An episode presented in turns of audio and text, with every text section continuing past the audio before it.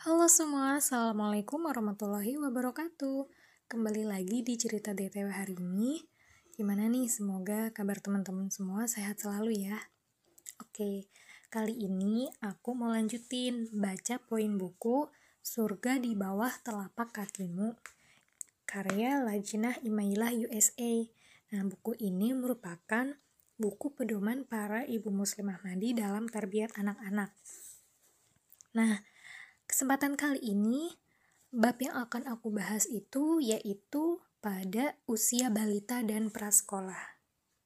Oke, nah pada masa usia balita dan prasekolah ini merupakan masa yang paling penting untuk meletakkan fondasi tarbiyat untuk anak-anak kita, di mana dimulai dari usia 2 tahun hingga anak-anak sekitar usia 5 tahun, yaitu pada usia lima tahun itu anak-anak mulai melakukan uh, pendidikan ya di taman kanak-kanak. Nah, uh, semua yang diajarkan pada masa ini itu akan memberikan efek jangka panjang nih dan akan menjadikan pekerjaan di tahun-tahun sebelumnya bagi seorang ibu maupun orang tua itu uh, menjadi lebih mudah.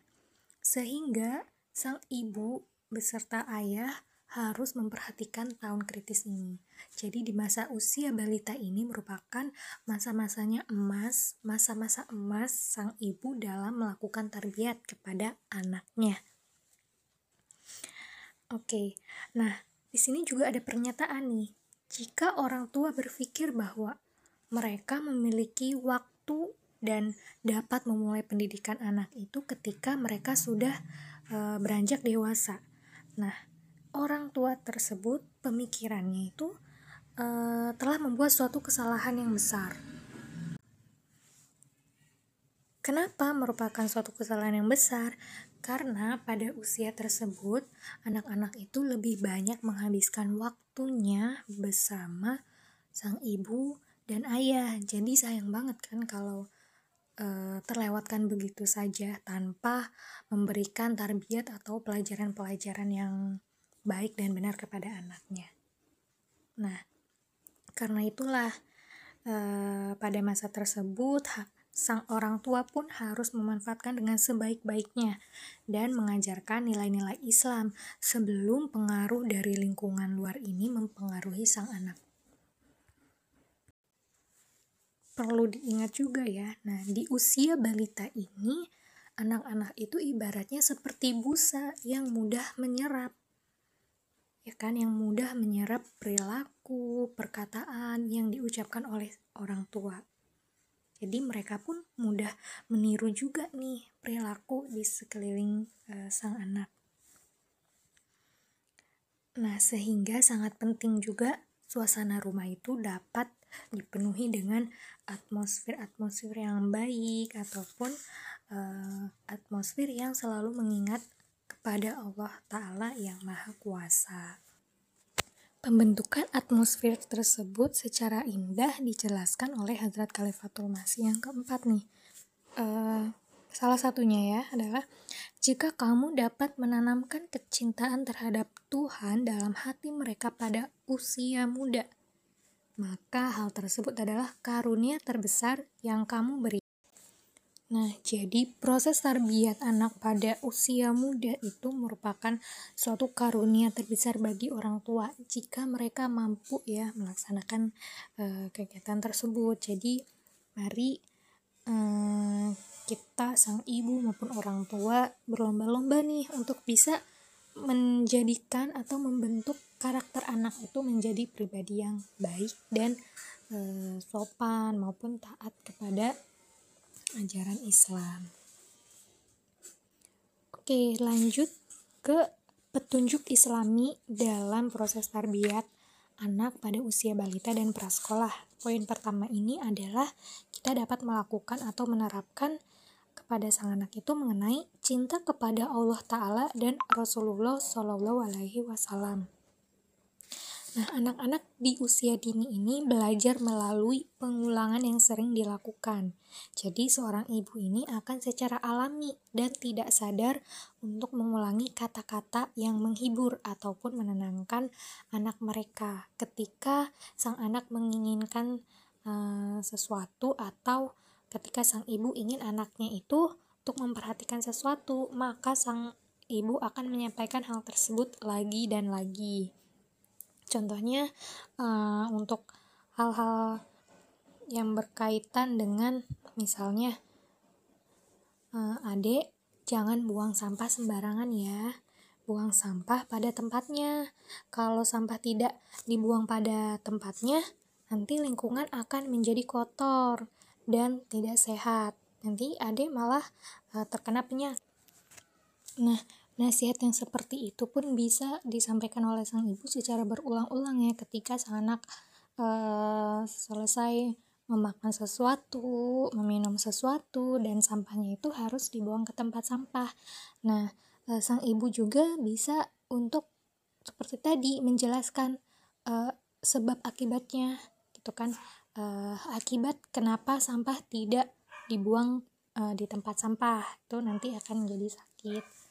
Jadi uh, mulai membiasakan sang anak itu dapat berpikir kritis antara proses sebab dan akibat sehingga nanti uh, secara tidak langsung ingatan tersebut kata-kata yang diulang sang ibu itu akan uh, menempel di otaknya akan jadi otak anak itu akan terstimulasi. Oke harus ingat nih kata-kata dari ibu harus buang sampah pada tempatnya. Dan sang ibu pun untuk mendukungnya, ya harus e, mempraktikannya secara langsung di depan mata sang anak. Jadi, oke, okay, antara perilaku dan perkataan sang ibu itu sesuai. Nah, selain itu, kecintaan terhadap Allah Ta'ala juga dapat diajarkan dengan cara yang sama. Anak yang mendengar nama Allah disebut berulang-ulang dan sering mendengar ibunya memuji, bersyukur kepada Allah Ta'ala, berzikir, berdoa setelah sholat itu akan memiliki keakraban terhadap Allah yang Maha Kuasa dalam pikirannya. Jadi sudah bisa banget juga untuk selalu mengikut sertakan sang anak dalam kegiatan ibadah kepada Allah Ta'ala. Contohnya tadi um, ikut dalam sholat, ikut dalam kegiatan mengaji, bersikir dengan suara yang uh, dikeraskan ya. Dengan suara yang diucapkan dengan lantang. Anak-anak juga menyukai cerita dan masa-masa ini adalah masa yang tepat untuk menceritakan kepada mereka mengenai kisah-kisah tentang kebesaran Allah Ta'ala dan ciptaannya. Begitu juga cerita-cerita Rasulullah Shallallahu Alaihi Wasallam. Kegiatan apa pun dapat dijadikan sebagai sumber untuk mengagukan kebesaran Allah Ta'ala. Jadi bisa juga untuk memulai uh, menerapkan perilaku-perilaku teladan dari Rasulullah Shallallahu Alaihi Wasallam seperti tadi ya membuang sampah di tempatnya, selalu berzikir kepada Allah Taala.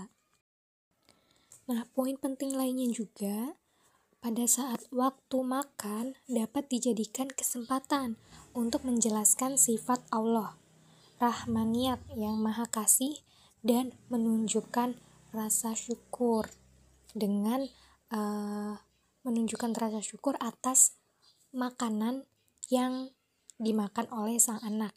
Jadi sebelum makan pun dengan mengucapkan doa itu pun merupakan suatu bentuk rasa syukur kepada Allah Ta'ala.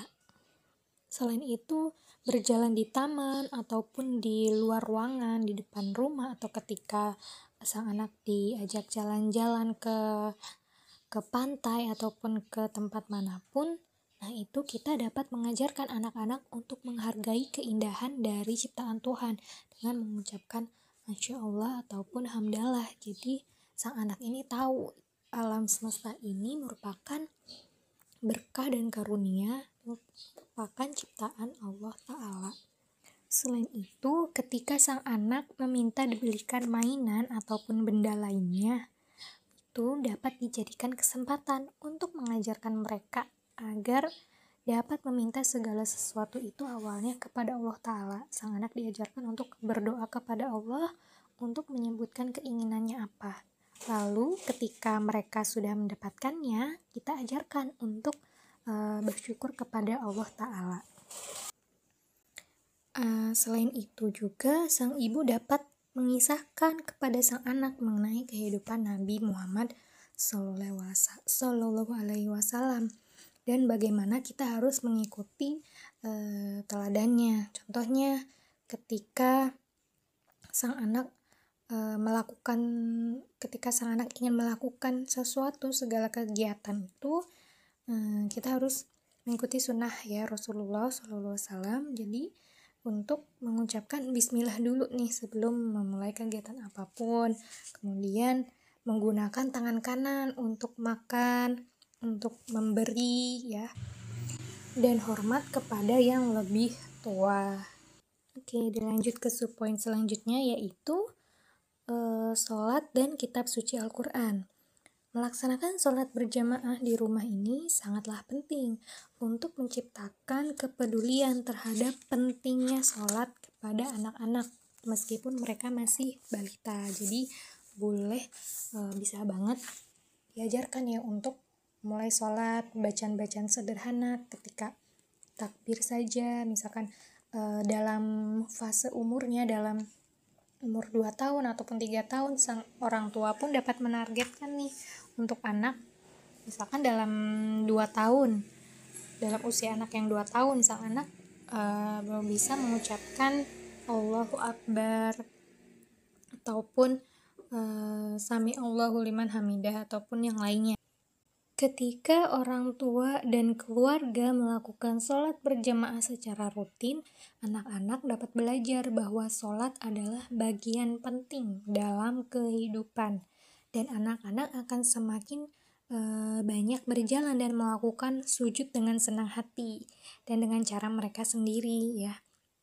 Jadi, proses pembelajarannya itu ya dapat bertahap sesuai dengan e, misalkan sang orang tua di awal bersepakat oke okay, di umur segini anak-anak kita harus misalkan bisa apal gerakan sholat atau apal proses takbiratul ikhram mau sampai dengan bacaan sholat. Kemudian jika kegiatan tersebut sholat berjamaah dilakukan secara terus menerus gitu kan hmm, maka sang anak pun lama kelamaan mereka akan meminta peci dan mukena mereka sendiri dan akan memasang sajadah mereka sendiri. Jadi pola atau kebiasaan sholat berjamaah itu sudah tertanam uh, di otak anak-anak. Jadinya mereka bersemangat nih untuk mengambil peralatan sholat mereka sendiri. Nah, dalam proses mengajak sholatnya pun harus uh, apa namanya diucapkan dengan suara yang lembut. Ayo nak, kita sholat dulu yuk sebelum kita main. Gitu. Jadi uh, diusahakan dalam memberitahu anak atau dalam mengajak anak itu ibaratnya bisa dibilang sholat itu merupakan kegiatan pertama kegiatan terpenting yang harus dilakukan sebelum mengerjakan kegiatan yang lain. Nah banyak sekali ya uh, apa pelajaran-pelajaran atau tarbiyat yang dapat dilakukan nih dalam hal sholat Nah, pada usia balita ini juga ibu dapat mendorong anak-anak untuk duduk dengan tenang pada saat keluarga lainnya melaksanakan sholat dan mengajarkan mereka etika sederhana dalam sholat, seperti tidak membuat kebisingan atau berjalan atau bermain di depan orang yang sedang sholat.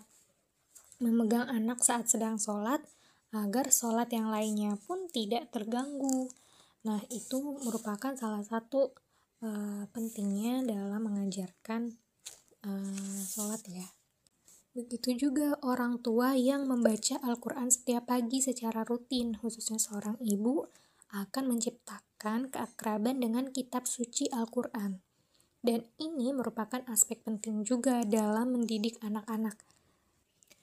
Jadi anak-anak mulai dapat dikenalkan dengan Al-Quran, mulai dari pengenalan huruf-huruf hijaiyah terlebih dahulu bisa melalui ikro ataupun Al-Quran langsung ataupun permainan permainan-permainan intelektual ya ataupun media lainnya bisa. Oke semua nanti aku bakal lanjut di part kedua ya